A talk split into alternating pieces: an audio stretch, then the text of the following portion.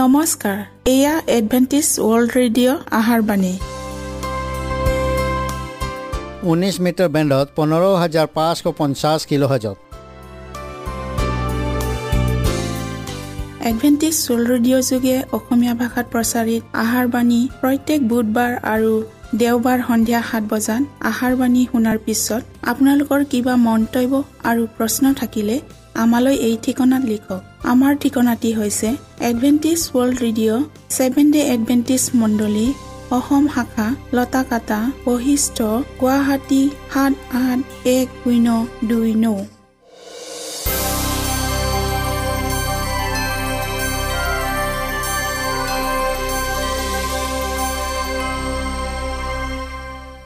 প্ৰিয় শ্ৰোতা বন্ধুসকল এতিয়া শুনো আহক এটি খ্ৰীষ্টীয় ধৰ্মীয় গীত।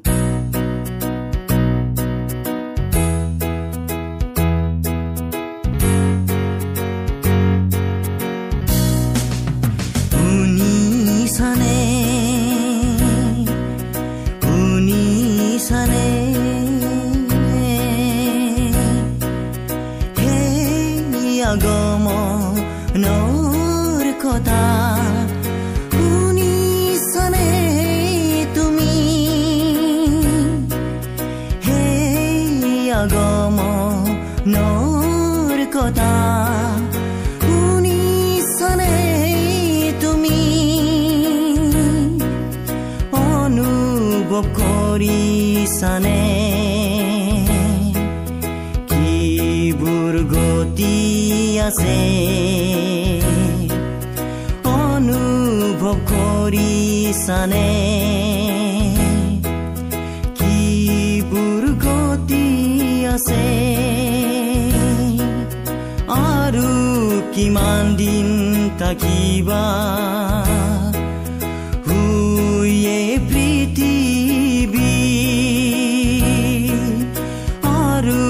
কিমান দিন থাকিবা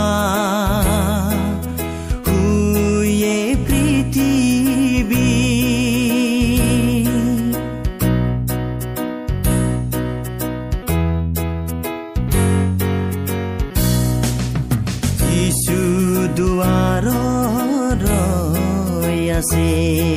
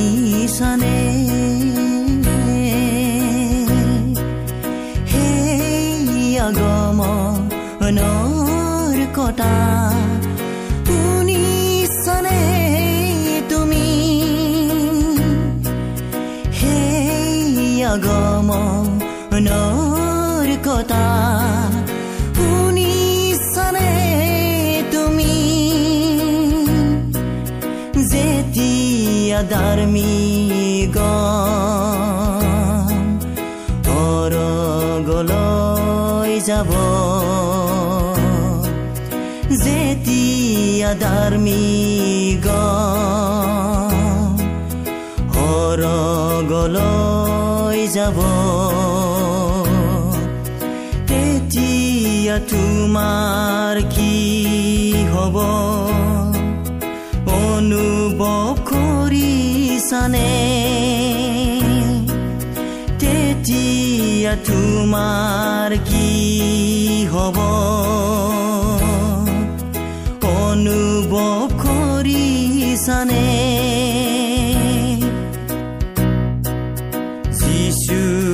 দুৱাৰ ৰৈ আছে হয় তেওঁ ৰৈ আছে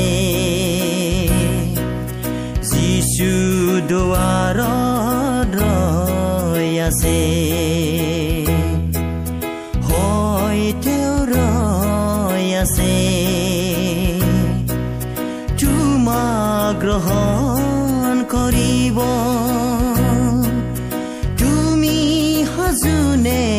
তেওঁৰ মাত শুনিব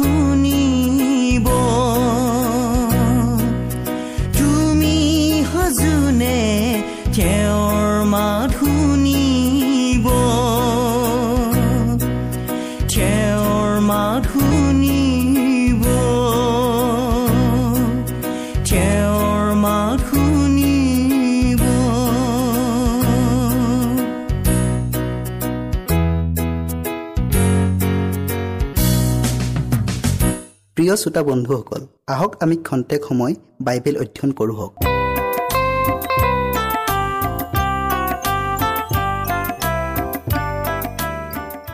আজিৰ বিষয় হৈছে মোৰ জীৱনত আচৰিত শক্তি।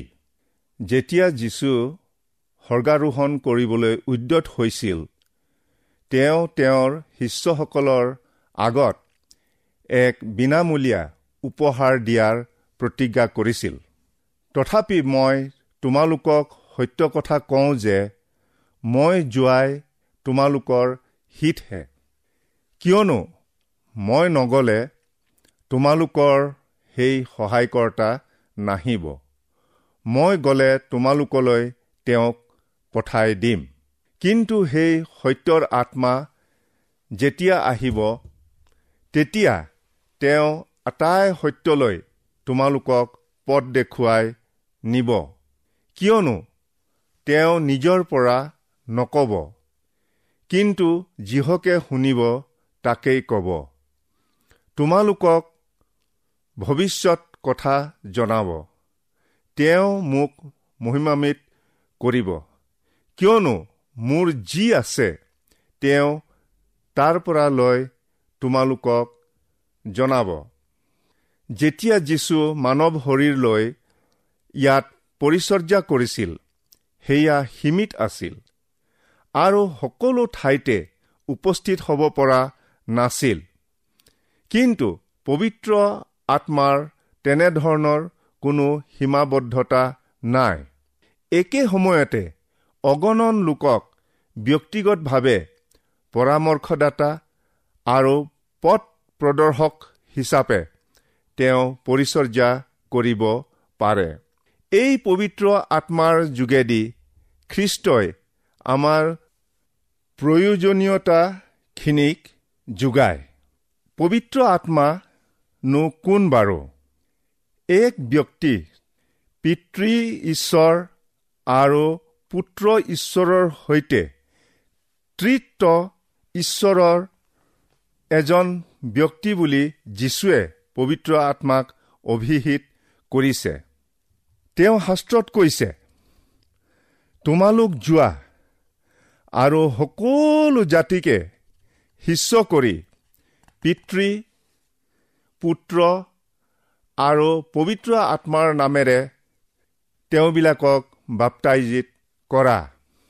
পবিত্ৰ আত্মাৰ ব্যক্তিগত চৰিত্ৰ কিছুমান আছে যেনে এটা মন জ্ঞান আমালৈ প্ৰেমৰ অনুভূতি। আমি পাপ কৰিলে দুখ পোৱাৰ অনুভূতি। আমাক শিকোৱাৰ সামৰ্থ্যতা আৰু আমাক পথ দেখুৱাবলৈ তেওঁ শক্তিৰ ক্ষমতা আছে। বাইবেলে কৈছে আদিতে ঈশ্বৰে আকাশ মণ্ডল আৰু পৃথিৱী সৃষ্টি কৰিলে। আৰু ঈশ্বৰৰ পবিত্ৰ আত্মাই জলসমূহৰ ওপৰত উমাইছিল। পবিত্ৰ আত্মাৰ কামবোৰ হ'ল মানৱ হৃদয় সলনি কৰা। নিকডিমৰ সৈতে তেওঁৰ সাক্ষাৎ হওঁতে যীশুৱে মানৱ হৃদয় সলনি কৰাত পবিত্ৰ আত্মাৰ অৰিহণাৰ বিষয়ে ব্যাখ্যা কৰিছিল। মই তোমাক অতি স্বৰূপকৈ কওঁ জল আৰু আত্মাৰ পৰা জন্ম নাপালে কোনেও ঈশ্বৰৰ ৰাজ্যত সোমাব নোৱাৰে। আত্মাত জন্ম পোৱাৰ অৰ্থ হৈছে পবিত্ৰ আত্মাই আমাক এক নতুন আৰম্ভণি প্ৰদান কৰা। আমাৰ চৰিত্ৰ আচাৰ ব্যৱহাৰ পৰিৱৰ্তন কৰা বিষয়টোতকৈও ই অধিক অৰ্থপূৰ্ণ। পবিত্ৰ আত্মাই আমাক ভিতৰৰ পৰা বাহিৰলৈ আমাক পৰিৱৰ্তন কৰি পেলায়। আৰু তেওঁ কৈছে মই তোমাক এটা নতুন হৃদয় দিম। এই প্ৰতিজ্ঞাক সিদ্ধ কৰে। ভুল কৰিলে বেয়া কাৰ্য কৰিলে আমাক সতৰ্ক কৰে আৰু পবিত্ৰতালৈ এক অভিলাষ আনি দিয়ে। তেওঁ আহি পাপৰ বিষয়ে ধাৰ্মিকতাৰ বিষয়ে আৰু সুদবিচাৰৰ বিষয়ে জগতক দুখৰ প্ৰমাণ দিব। আমাৰ খ্ৰীষ্টিয়ান জীৱনটোক পথ দেখুৱাই। আৰু তোমালোকে সোঁফালে কি বাওঁফালে ঘূৰিবৰ সময়ত তোমালোকৰ কাণে পাছৰ পৰা এই বাক্য শুনিবলৈ পাব। এইয়ে পথ এইয়েদি চলা। উপগ্ৰহৰ প্ৰেৰণৰ দ্বাৰাই দূৰ দূৰণিৰ দেশসমূহৰ পৰা নানা ধৰণৰ চিত্ৰ আৰু মানুহৰ ছবি আমাৰ দূৰদৰ্শনে আমাৰ শুৱনি কোঠালৈকে আনি দিয়ে। পবিত্ৰ আত্মাৰ কাৰ্যয়ো কিছু পৰিমাণে ঈশ্বৰৰ উপগ্ৰহৰ দৰেই একেই। ই খ্ৰীষ্টীয়ৰ উপস্থিতিক স্বৰ্গৰ পৰা পৃথিৱীলৈ আনে আৰু যেতিয়া আমি তেওঁক বিচাৰোঁ ই তেওঁক আমাৰ ওচৰলৈ আনি দিয়ে। আমাৰ প্ৰাৰ্থনা পূৰ্ণ জীৱনত তেওঁ সহায় আগবঢ়ায়। এইদৰে আত্মায়ো আমাৰ দুৰ্বলতাত উপকাৰ কৰে। কাৰণ উচিত মতে কি প্ৰাৰ্থনা কৰিব লাগে তাক আমি নাজানো। কিন্তু আত্মাই নিজেই আমাৰ অৰ্থে অনিৰ্বচনীয় কেকনিৰে নিবেদন কৰে আৰু আত্মাৰ ভাৱ কি তাক অন্তৰ্জামী ঈশ্বৰে জানে। কাৰণ ঈশ্বৰৰ ইচ্ছাৰ দৰে তেওঁ পবিত্ৰ লোকৰ কাৰণে নিবেদন কৰে। খ্ৰীষ্টীয় গুণ আৰু চৰিত্ৰসমূহক পৰিৱৰ্ধিত কৰে।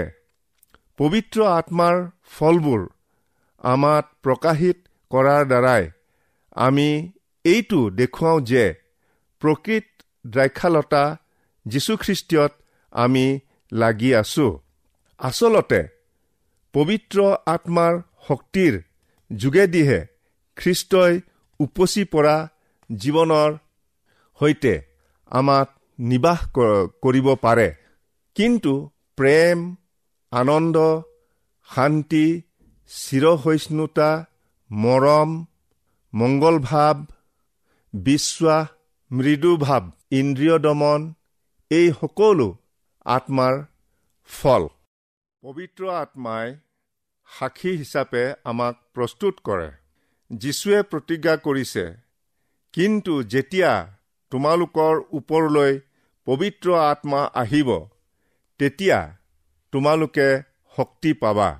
আৰু জেৰুচালেম আদি কৰি গোটেই জিহুদীয়া আৰু চমৰীয়া দেশত আৰু পৃথিৱীৰ সীমালৈকে তোমালোক মোৰ সাক্ষী হবা। যিবিলাকে ইচ্ছা কৰে সেই সকলোৱেই পবিত্ৰ আত্মাৰ দ্বাৰাই সাক্ষী হ'ব পাৰে। সকলো প্ৰশ্নৰ উত্তৰ আমাৰ নাথাকিব পাৰে। কিন্তু পবিত্ৰ আত্মাই ক'বলৈ এনে কাহিনী আমাক দিব যি হৃদয় আৰু আত্মাক কঁপাই তুলিব পাৰে। পঞ্চাছদিনীয়া পৰ্বৰ আগতে পাচনীসকলেও লোকসমূহৰ সৈতে যোগাযোগ কৰাৰ ক্ষেত্ৰত মহা সমস্যাত ভুগিছিল। কিন্তু পবিত্ৰ আত্মা পোৱাৰ পাছত এনে শক্তিৰে খ্ৰীষ্টৰ বিষয়ে ঘোষণা কৰিছিল যে পৃথিৱীখনেই ওলট পালট হৈ গৈছিল।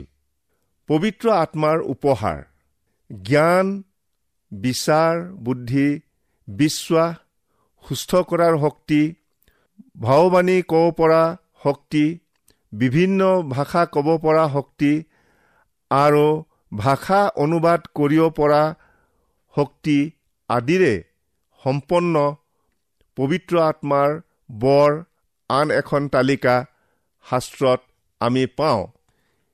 এই উত্তম বৰসমূহলৈ হাবিয়াস কৰিবলৈ পৌলে আমাক টানি অনুৰোধ কৰিছে।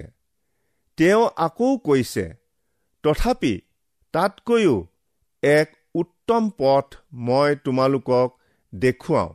প্ৰেমৰ অধ্যায়ক এই পথটিয়ে প্ৰেমেৰে কৰা কামৰ পথটিক আটাইতকৈ উত্তম পথ বুলি দেখুৱাইছে।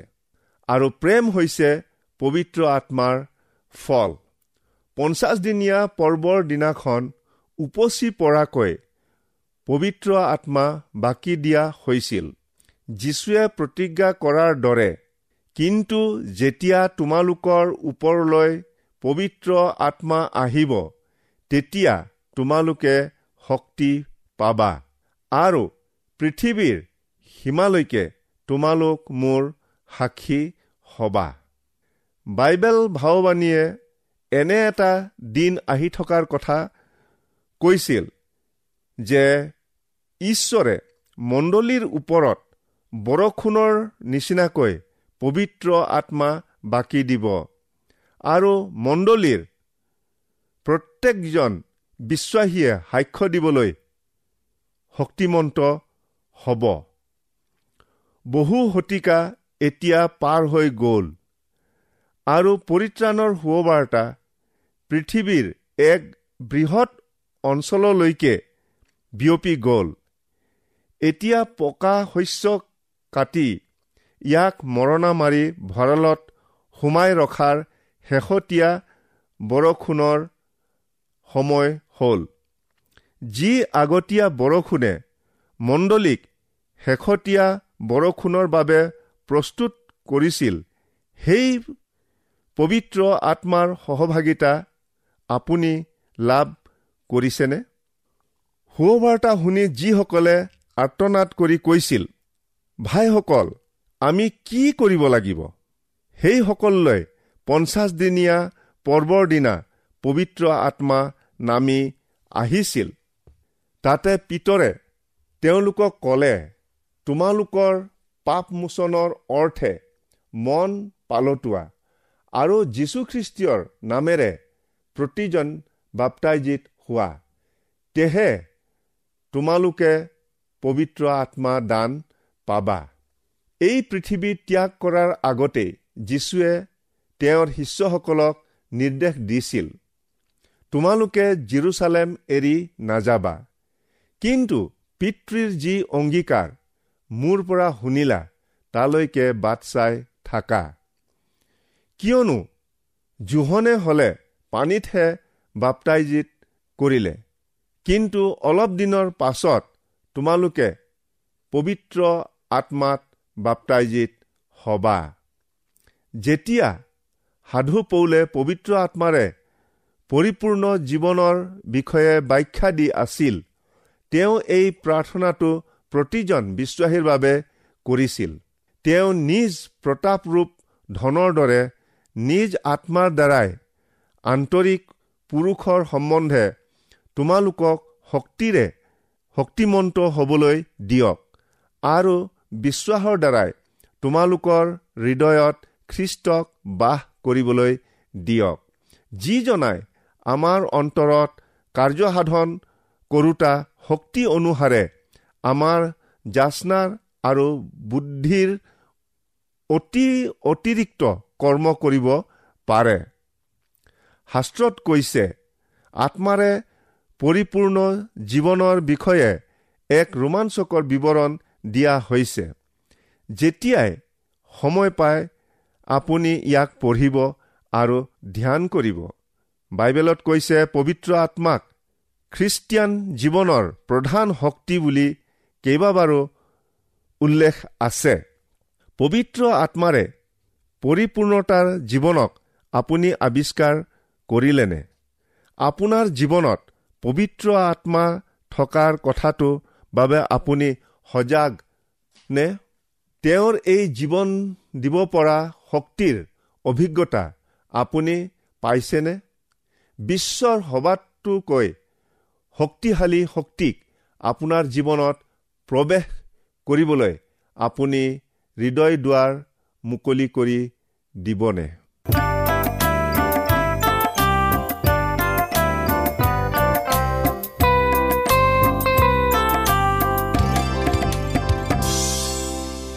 আমি বাইবেল অধ্যয়ন কৰিলোঁ। এতিয়া আকৌ শুনো আহক এটি খ্ৰীষ্টীয় ধৰ্মীয় গীত।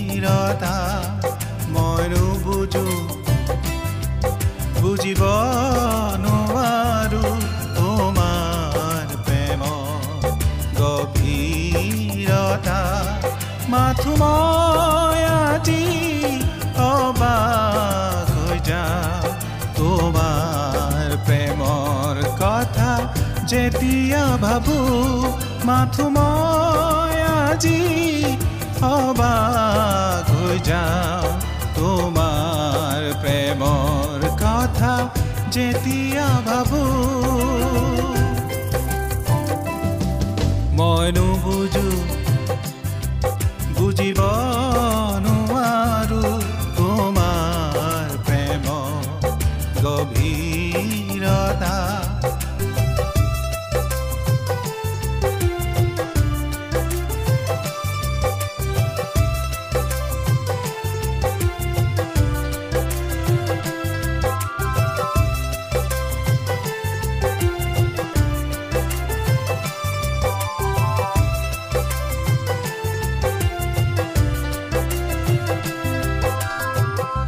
তুমি সহিলা নিষ্ঠুৰ যাতনা ক্ৰুচৰ ওপৰত নিজকে অৰ্পিলা মোৰ পাপৰ বুজা বহন কৰিলা তোমাৰ তেজেৰে মোক উদ্ধাৰিলা তুমি কহিলা নিষ্ঠুৰ যাতনা ওপৰত নিজকে অৰ্পিলা মোৰ পাপৰ বুজা বহন কৰিলা তোমাৰ তেজেৰে মোক উদ্ধাৰিলা ভাষা নাই আজি বুজাবলে যিছু তোমাৰ নাই আজি বুজাবলে যিছু তোমাৰ ত্যাগৰ কথা মই নুবুজো। বুজিব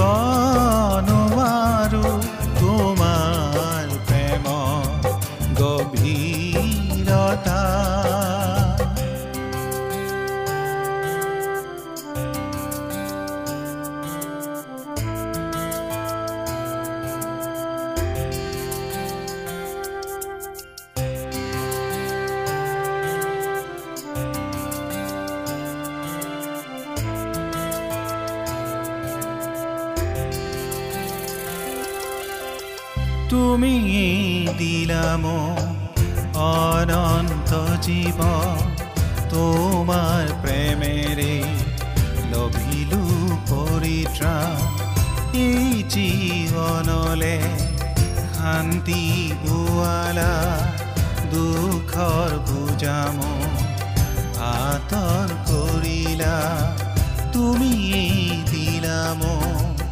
অনন্ত জীৱ তোমাৰ প্ৰেমেৰে লভিলো পৰিত্ৰাণ এই জীৱনলে শান্তি পোৱালা দুখৰ পূজাম আঁতৰ কৰিলা ভাষা নাই আজি বুজাবলে যিছু তোমাৰ প্ৰেমৰ ভাষা নাই আজি বুজাবলে যিছু তোমাৰ প্ৰেমৰ কথা মইনো বুজো বুজিব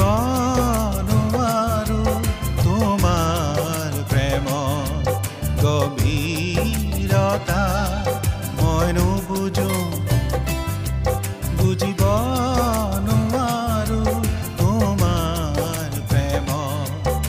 গভীৰতা। মাথো মই আজি অবাক হৈ যাওঁ তোমাৰ প্ৰেমৰ কথা যেতিয়া ভাবো মাথো মনত ৰাখিব আমাৰ ঠিকনাটি পুনৰ কৈ দিছোঁ। Adventist World Radio' Assam region of Seven Day Adventist Voice of Hope Lotakata Basistha Guwahati seven eight one zero' two nine প্ৰিয় শ্ৰোতা বন্ধুসকল এডভেণ্টিজ ৱৰ্ল্ড ৰেডিঅ' যোগে আহাৰবাণী প্ৰচাৰত আপোনালোকক পুনৰ লগ পোৱাৰ আহাৰে আজিলৈ সামৰিলোঁ। ধন্যবাদ।